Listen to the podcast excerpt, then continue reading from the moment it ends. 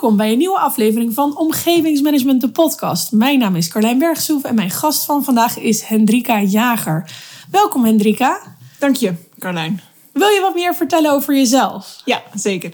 Ik ben uh, Hendrika Jager. Ik ben omgevingsmanager en uh, ik doe dat al een tijdje. Eigenlijk vanaf 2018 actief in het hoogwaterbeschermingsprogramma op de dijkversterkingen. In eerste instantie voor waterschap Rivierenland en nu in opdracht van het waterschap Drentse Overijssel Delta. Leuk. En want de hoogwaterbeschermingsprogramma is wel echt een soort uh, rode lijn in jouw carrière nu. Ik denk eigenlijk dat iedereen wel weet wat dat is. Maar kan je heel kort vertellen uh, wat je doet? Ja, het uh, Hoogwaterbeschermingsprogramma is een landelijk programma die gericht is op het versterken van de primaire waterkeringen in Nederland. En we hebben inmiddels een opgave van 2000 kilometer. En uh, ik werk aan uh, 11 kilometer op dit moment. En dat is een van de HWBP-projecten van het waterschap Drentse Overijsselse Delta. Leuk.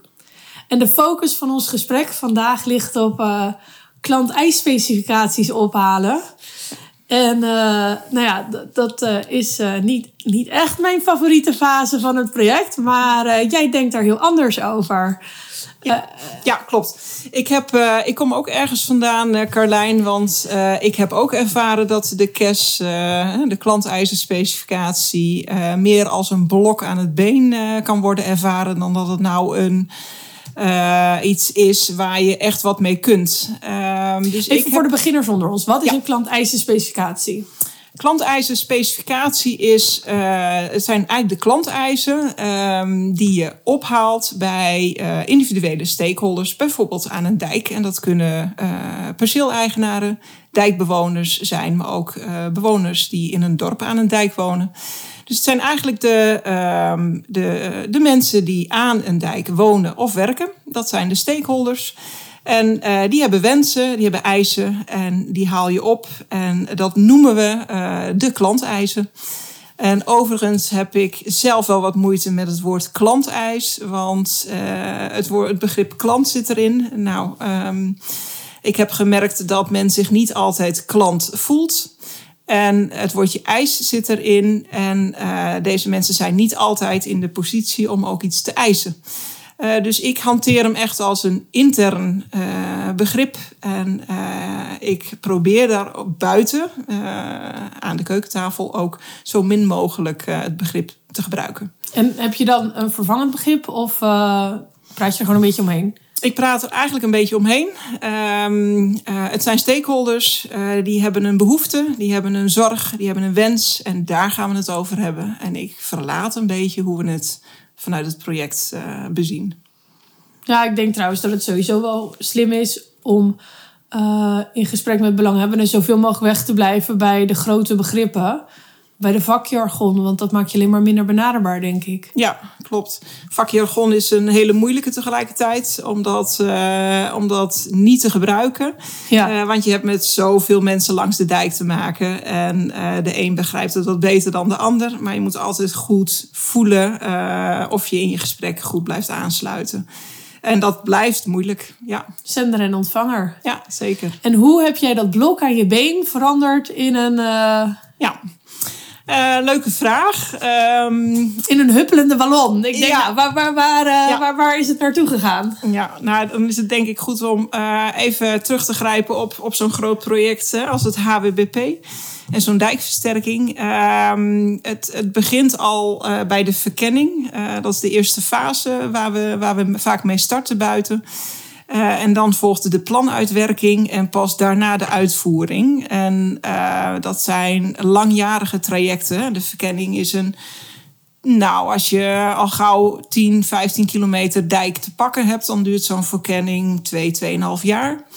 Dan heb je vervolgens de planuitwerking, die duurt dan nog eens een keer 2 à 3 jaar. En dan start de uitvoering. En die ja, varieert van 3 tot 4 jaar. Soms duurt het ook nog langer, afhankelijk van waar je bent en welke problemen je tegenkomt. Um, en eigenlijk vanaf het allereerste begin um, uh, gaan we al naar buiten om uh, de gesprekken aan te gaan en heel veel op te halen. En uh, mijn ervaring is, en ik zie dat bij meer projecten gebeuren, is dat er heel veel is opgehaald. En dat is dan in de nou ja, klanteisenspecificatie ingevuld, ingevoerd. En dan kom je erachter na een paar jaar dat wat daarin staat, dat het heel vaag is. Uh, dat het eigenlijk niet meer goed herleidbaar is. Wie heeft deze nou ingediend? Woont die meneer of mevrouw er nog? Uh, wat heeft hij nou gezegd? Dus je ziet vooral heel veel standpunten in zo'n CAS, klanteisenspecificatie, terug. En daar moet je als project wat mee. Want zo'n klanteis wil je uiteindelijk beoordelen. Kijken van, kunnen we er als project wat mee? En dan ga je hem vertalen naar een systeemeis. Nou, en dat is dan ook uh, waar de techniek het eigenlijk een beetje van ons gaat overnemen. Um, en als ze dan technieken van je overneemt en ze gaan er dan een systeemeis van maken, dan zie je dat het vaak niet lukt, omdat een klanteis bijvoorbeeld niet specifiek genoeg gemaakt is. En dan zit je altijd een beetje van ja, daar kunnen we nog niet zoveel mee, dus dan schuiven we hem door. En dan Mag zie ik even je. één vraag tussendoor stellen? Ja, zeker. Um, ik nam altijd ook als systems engineers mee naar mijn CAS-gesprekken. Doe je dat ook? Um, nee, dat doe ik niet. Um, en uh, kom ik een beetje op, uh, denk misschien wel een van mijn eerste tips, uh, is dat je, mijn stelregel is altijd, als, je, als ik het niet kan uitleggen buiten, dan ga ik niet naar buiten. Dus dat betekent dat ik eerst met een technisch manager of met een contractmanager eerst het gesprek aanga over wat zijn we nou aan het doen. En ben ik in staat om dit verhaal ook goed uit te leggen buiten in, in bewoording waarvan ik weet dat degene die uh, aan, aan, de andere kant van de tafel zit het ook gaat begrijpen. Um, dat wil niet zeggen dat ik nooit iemand meeneem. Uh, dat is ook niet zo. Uh, maar ik wil het wel kunnen begrijpen. En, uh, ja, vaak, dat is sowieso belangrijk. Ja, en dan is het vaak ook voldoende om met die bagage het gesprek verder te brengen. Mag ik dan nog even advocaat van de duivel spelen? Want Zeker. ik nam wel altijd een system engineer mee. In de zin van het mes snijdt aan twee kanten. Ja. Ik wilde ook altijd dat zij gevoel kregen bij wat er buiten speelde. Hoe borg je dat als zij niet meegaan naar de gesprekken? Um, dat, uh, dat is wel een lastige. Uh, want, uh, en dan draai ik hem eigenlijk een beetje om. Hè. Um, ik moet buiten kunnen uitleggen wat we binnen aan het doen zijn. En dat geldt eigenlijk andersom ook. En daardoor kan ik de gesprekken buiten goed voeren. En kan ik met die bagage ook weer terug zo'n project in. En dat doe ik natuurlijk niet alleen. Hè. Ik werk met omgevingsteams, dus er zitten mensen in waarmee we het ook samen, samen doen. Hè. De omgevingsadviseurs, omgevingsmanagers. En we zorgen samen dat we goed dat belang van, uh, van die omgeving uh, goed, uh, goed naar binnen brengen. Maar dan nog even terug op die CAS en mijn ervaring daarmee. Ik zie dat het hele omvangrijke databases worden waar heel veel in zit. rijp en groen lopen een beetje door elkaar. En vaak kun je er nog niet zoveel mee, omdat je uh, nog in een fase zit waarbij het eigenlijk allemaal nog heel erg vaag is. Als je kijkt naar die verkenningen, die eerste jaren, waarbij we al best wel uh, gesprekken aan het voeren zijn. Um, dan is het eigenlijk allemaal nog niet duidelijk uh, hoe zo'n dijk zich gaat ontwikkelen. We werken in die verkenning toe naar het voorkeursalternatief. Dus dan heb je op hoofdlijnen heb je een besluit genomen als waterschap. En dan kies je er bijvoorbeeld voor om met de dijk wat meer richting de polderkant te gaan in de versterking. Of je lost het heel lokaal op met constructies. Maar je eindpunt is nog niet bekend. Nee, nee. Dus, en, en daar zit wat mij betreft ook um, een, een belangrijk aandachtspunt. Als je kijkt van hoe zou je het ook anders kunnen. Um, want um, uh, in die eerste fase, waarin je het allemaal nog niet, uh, eigenlijk nog niet weet, het is nog, nog niet concreet, terwijl je wel weet dat heel veel mensen vragen gaan stellen over bijvoorbeeld uh, bedrijfsvoering. Kan dat nog voortbestaan tijdens de uitvoering? Hoe zit dat met mijn op- en afrit? Uh, wanneer gaan ze voor mijn huis beginnen met de uitvoering? Kan uh, dat pad op de weg niet wat breder of op de dijk niet wat breder? Dus dat zijn een beetje de usual suspects die we al gelijk in het begin krijgen, maar waar je eigenlijk nog helemaal niks mee kan. Omdat um, het gewoon voor de nadere uitwerking is. Precies, precies. Als je het globale beeld al te ja. pakken hebt. Maar daarmee vult de cash zich eigenlijk wel. En uh, wat je ook vaak ziet, is dat mensen heel erg in standpunten praten. Ik wil niet dit, ik wil niet dat. En het is heel erg belangrijk om in die eerste fase door te vragen op nou ja, maar, het waarom. Hè? Maar waarom vindt u dit uh, belangrijk? Zodat je ook zicht krijgt op dat onderliggende belang. Kijk, en die is stabiel. Daarvan weten we dat die niet uh, alle kanten opgaat. En dan heb je eigenlijk een mooie basis te pakken om straks in die planuitwerkingsfase, op het moment dat je echt zo'n dijkversterking gaat inpassen op het perceel, Dat je dan twee dingen beter kunt doen. En dat is beter kunt uitleggen aan die keukentafel. eh, wat de impact van zo'n dijkversterking nou eigenlijk op hun grond is. Op hun woning. En dan heb je veel gerichtere gesprekken. En dan kunnen de mensen aan tafel veel beter aangeven. Ja, maar oké, als dit het wordt of is, dan vind ik dit belangrijk. En op die manier krijg je ehm, veel meer kwaliteit in hoe je het opschrijft. En voed je daarmee op het juiste moment ook dat ontwerpteam wat aan de slag gaat met die klanteisen. En dan kun je hem echt ook ehm, beoordelen. Kijken, kunnen we er wat mee? Ehm, en dan ook vrij snel weer terugkomen bij de mensen die hem hebben ingebracht. Van, dit is wat we ermee gedaan hebben. Want de praktijk is ook nog wel eens, we halen het in het begin op. Dan is het vervolgens drie, vier jaar stil. Nou, de mensen zijn dan al afgehaakt. Ja. En je moet, nou ja, vertrouwen komt eh, Te voet. te voet. En, En gaat te paard. Inderdaad. Oh jee. Je, je weet het. En ehm, dus, dus eh, je bent dat weer kwijt. Je moet weer opnieuw beginnen. De mensen zijn veranderd. Eh, er is een standpunt geuit, is veranderd. En eh, je staat direct op achterstand, omdat er veel jaren tussen hebben gezeten waarin je eigenlijk niks van jezelf hebt laten horen. En dat zijn een paar mechanismen die ik zie gebeuren in die cash, waarvan ik denk van hé, hey, dat zou anders kunnen, dat zou beter kunnen. En dat, dat vraagt iets van eigenlijk de timing, van wanneer stel je de juiste vraag en waar leg je het accent nou op, in welke fase. Ik wil heel graag daarop inhaken met een vraag van Mark van der Kooi. Die Ja. ik binnen heb gekregen via LinkedIn. Hartstikke leuk, Mark. Die is benieuwd hoe je klanteisen beoordeelt en afweegt. En hoe je dit transparant communiceert met je stakeholders. Ja, Ehm, hoe je de klanteis beoordeelt. Ehm, eh, ik denk dat het heel erg helpt in de beoordeling als die heel specifiek is. Dan weet je ehm, dat eh, wat je krijgt, dat ook ook aansluit bij waar de behoefte van de stakeholder zit.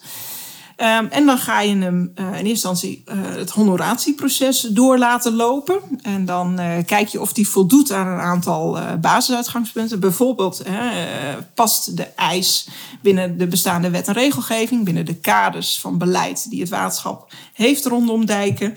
En als dat zo is, dan gaan we kijken of we hem kunnen omzetten naar een systeemeis. En daar koppelen we eigenlijk ook precies dat weer terug aan die stakeholder. En dan kan het, ik zeg wel, het kan vriezen, het kan dooien. En dan is het antwoord eh, richting de stakeholder van ja, eh, dit is iets, daar kunnen we rekening mee houden in het ontwerp en we gaan dat op deze manier doen. Maar het gesprek, als het niet lukt, voeren we net zo goed. Ehm, dus, dus daar zijn Juist we. dat is heel belangrijk voor draagvlak, vind ik altijd. Dat Precies. mensen krijgen of hun zin. Maar ik vind het heel belangrijk in mijn project als mensen niet hun zin krijgen. Dat ze dan ook weten waarom niet. Zodat Ja. ze de, eh, toch wel meer begrip eh, krijgen voor de uitkomsten. Ja, klopt. En wat heel erg helpt, is dat je dan ook uitlegt ehm, eh, wat je gaat doen met wat zij bij jou aangeven. En dan is het ook belangrijk dat je doorvraagt op, op dat belang. Eh, zodat je echt zeker weet van hé, hey, eh, maar dit zit eronder. En dan heb je de ruimte om ook te zoeken. En daar zit de kracht, wat mij betreft, van het omgevingsmanagement. Om te kijken van hé, hey, hier ligt die behoefte. Hoe kunnen we daar nou met het ontwerp bij aansluiten? En dat hoeft niet per se in eerste instantie het standpunt te zijn die de man of vrouw eh, in eerste instantie naar jou uit. Dus dat vraagt ook een, eh, een vaardigheid van het omgevingsteam hè, om, dat, om dat, eh, dat belang om dat boven, boven tafel te krijgen en met dat belang aan de slag te gaan. Ja, daar zijn die gesprekken heel belangrijk voor. Dat je gewoon kan eh, in de huid van diegene kan kruipen. Als, die, als je in je projectteam zit en Ja. kan vertellen wat diegene wil en waarom niet. En Precies. dat je die inschatting kan maken. Ja, en tegelijkertijd, en ik denk dat daar ook een stukje winst te halen is, eh, eh, is dat met kennis van eh, wet en regelgeving, maar ook van hoe werkt nou een dijkversterking? In welke fase neem, neem je nou welk besluit? Dat je met die kennis ook beter in staat bent om bepaalde standpunten of eisen die men uit, om die ook op waarde te schatten en te zeggen van ja, maar we begrijpen het, maar het is nu nog niet relevant. We kunnen er nu nog niks mee, omdat we nog in die vroege voorfase zitten. Ehm, en ehm, zelfs op het moment dat het echt niet kan wat mensen willen, dat je dan ook in dat gesprek, dat gesprek ook direct eh, op die, nou ja, eh, in die richting van dat, dat wat ze willen gewoon weg niet kan. Want die krijgen we ook heel veel. Is dat mensen iets willen wat gewoonweg niet kan. En dat is ook iets, je kunt hem dan aannemen en nog even toetsen voor het gemak. Dan valt hij daar wel af, moet je alsnog terug. Maar ik denk dat je in veel gevallen ook al aan die keukentafel of, of in die bijeenkomst eigenlijk al direct uh, daar het gesprek, het juiste gesprek over kunt voeren. Waardoor je hem eigenlijk niet eens mee terugneemt. Maar direct eigenlijk een soort Nee, want anders geef je mensen toch een soort van hoop. Ja. En uh, ja, als die Ja. er niet is, kan maar beter gewoon gelijk duidelijk zijn, uh, denk ik. Klopt, want dat wordt echt wel gewaardeerd. Uh, want mensen hebben meer aan een helder en duidelijk antwoord als iets echt niet kan. Dan dat ze het gevoel krijgen, oh, dat wordt wel meegenomen. En dan moeten ze vervolgens best wel lang wachten totdat ze de nee terugkrijgen. En dat is zo'n mechanisme wat weerstandontwikkeling op dit soort projecten echt wel in de hand kan werken. Ja. Volgens mij kan je hier ook wel iets mee. Door gewoon aan het begin van je klant-eisengesprek heel duidelijk te stellen van goh, uh, dit zijn dingen die we wel kunnen meenemen. Of dit zijn dingen die we niet kunnen meenemen. Zeg Ja. maar. Als je, ja, ik heb een hekel aan het woord kaders, maar Ja, klopt. die past misschien wel hier in deze context. Nou, ik denk dat die kaders juist heel belangrijk zijn. Want Ja. uh, als ik kijk naar de projecten dijkversterking, dan is mijn ervaring dat je aan de voorkant bij het begin misschien nog denkt dat er heel veel kan. Maar als je dan helemaal zo in die uitwerking en zeker richting uitvoering gaat, dan zie je dat er best veel afvalt, omdat het gewoon niet kan. Je zwemt een fuik in. Precies. En um, um, als je uh, daarvan al veel kunt afvangen door het gesprek aan die keukentafel. Uh, ja, ik noem het even de positive no-techniek. Hè?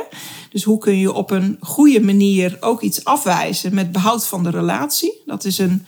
Oh, en wat is de techniek dan precies? Vaardigheid.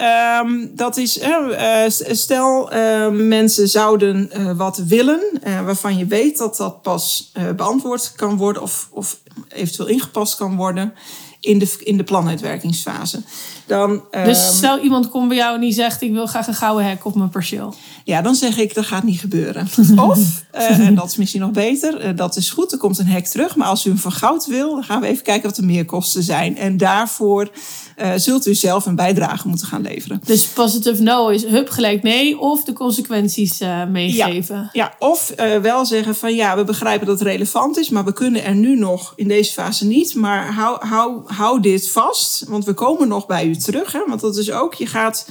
Uh, als je naar zo'n dijkversterking kijkt, heb je te maken met je directe belanghebbenden. En dat zijn toch de mensen die aan een dijk wonen. Die hebben percelen aan de dijk, die hebben een woning aan de dijk.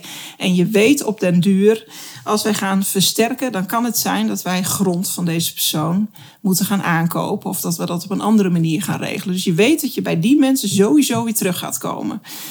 En als je dat van tevoren in zo'n verkenningfase al in beeld hebt, van wie zijn nou mijn direct belanghebbenden, en laten die nu al wat van zich horen. De zorg over bijvoorbeeld uh, wanneer begint voor mijn deur de uitvoering, of uh, hoe zit het straks met de werkzaamheden, hoe groot is de kans op schade, ik heb een slecht gefundeerd huis, waar kan ik met die informatie naartoe? Dat je um, um, dus, dus die, um, uh, die, die behoeften uh, koppelt aan het feit dat dit mensen zijn die aan een dijk wonen, waarvan je weet, wij gaan een langjarige relatie met elkaar aan, maar voor deze vragen en deze zorgen kom ik later weer bij u terug. Dus er is een positive dan, not yet. Precies. Ja, inderdaad. En uitleggen waarom iets niet kan. Um, en dat, dat moet ik dan ook begrijpen. Hè? En dan kan ik het namelijk ook uitleggen. Want dan kan ik het ook overbrengen. Dat is helemaal niet zo erg. Nou, dat is juist heel belangrijk voor je geloofwaardigheid, denk ik. Want als ja. je het zelf niet helemaal in de vingers uh, hebt, dan prikken mensen er altijd doorheen. Ja, ja. Kijk, en mijn geloofwaardigheid is het belangrijkste wat ik heb als omgevingsmanager. En uh, die raak ik heel snel kwijt op het moment dat ik uh, de mensen het gevoel geef aan het lijntje gehouden te worden. En dan zeg ik, vertel ik liever, uh, neem ik ze mee in dit is het project. Ik begrijp uw zorg, maar uw zorg, daar kunnen we pas wat mee over twee, drie jaar. Um, en uh, wij moeten in de gaten houden dat we bij deze mensen weer terugkomen. Nou, dat is niet zo moeilijk, want je weet dat het is een direct belanghebbende, dus daar gaan we sowieso de komende jaren mee te maken krijgen. Um, en het, het, toch noteren, maar niet direct als klanteis. Ik denk dat daar een belangrijk verschil in zit. Leuk. Ja. De tijd vliegt. Ja. Heb jij een tip die je wil meegeven aan je collega omgevingsmanagers? Ja, je gaat even inderdaad over die positive no. Hè? Uh, wees niet bang om ook nee te zeggen. Ik denk dat we daar uh, uh, best wel wat vaker mee aan de slag mogen, want het brengt ook rust in de omgeving. Uh, en betekent niet dat mensen de nee niet altijd accepteren.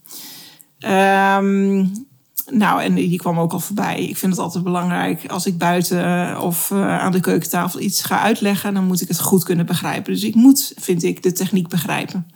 En als ik de techniek begrijp, kan ik het uitleggen. Anders ben ik ook mijn positie aan tafel kwijt. Ja, lijkt me een hele goeie. Ja. Ja, ik wil je heel graag bedanken voor je verhaal.